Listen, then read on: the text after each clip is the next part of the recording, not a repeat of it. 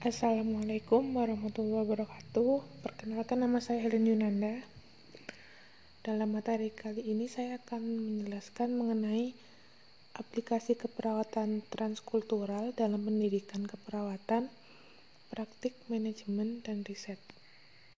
Untuk yang pertama, definisi transkultural nursing merupakan area atau wilayah keilmuan budaya pada proses belajar dan praktek keperawatan yang fokus memandang perbedaan dan kesamaan di antara budaya dengan menghargai asuhan, sehat dan sakit didasarkan pada nilai budaya manusia, kepercayaan dan tindakan, serta ilmu.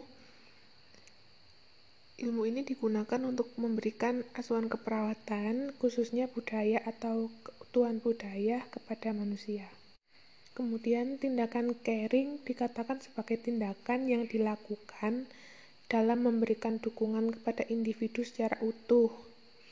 Perilaku caring semestinya diberikan kepada manusia sejak lahir dalam perkembangan dan pertumbuhan, masa pertahanan, sampai dikala manusia itu sendiri meninggal.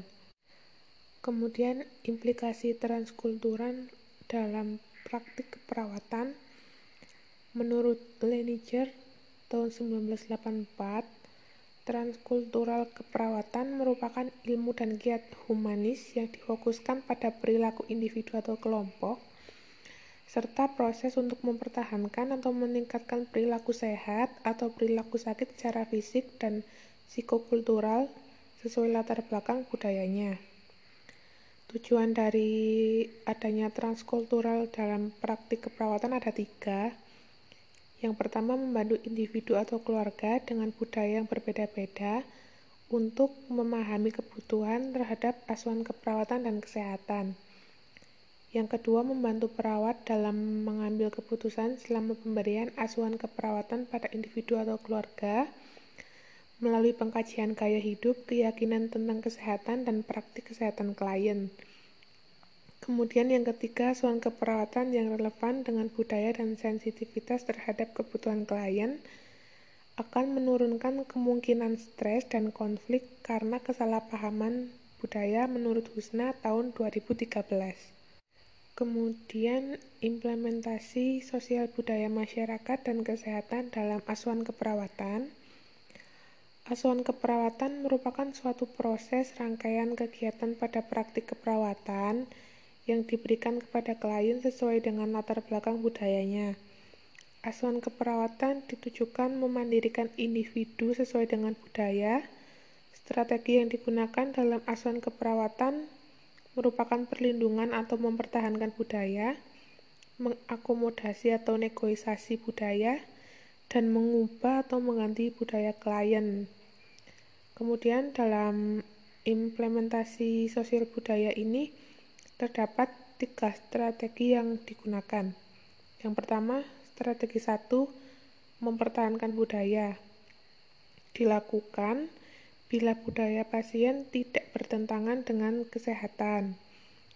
Yang kedua, negosiasi budaya. Intervensi dan implementasi keperawatan pada tahap ini dilakukan untuk membantu klien beradaptasi terhadap budaya tertentu yang lebih menguntungkan kesehatannya. Kemudian strategi tiga rekonstruksi budaya. Kegiatan ini dilakukan bila budaya yang dimiliki merugikan status kesehatan pasien. Perawat berupaya merekonstrukturisasi gaya hidup klien yang biasa merokok menjadi tidak merokok pola rencana hidup yang dipilih biasanya lebih menguntungkan dan sesuai dengan keyakinan yang dianut. Kemudian selama tiga dekade terakhir, tenaga keperawatan harus mengembangkan, meningkatkan pengetahuan atau ilmunya karena tuntutan klien dari hari ke hari semakin kompleks, profesionalitas tenaga keperawatan terus-menerus harus ditingkatkan kualitasnya bila profesi ini mengharapkan tidak tinggal atau diabaikan oleh masyarakat dan atau profesi kesehatan lainnya.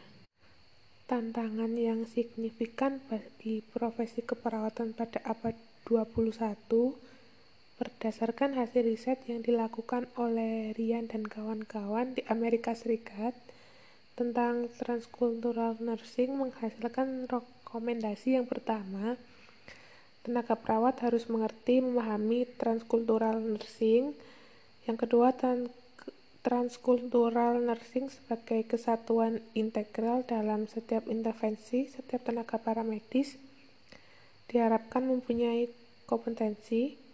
Yang ketiga, setiap lembaga pendidikan tenaga paramedis hendaknya memberikan kompetensi transkultural nursing kepada mahasiswa atau mahasiswi. Yang keempat, pengetahuan dan penelitian tentang transkultural nursing terus-menerus dilakukan dalam praktik atau pelayanan.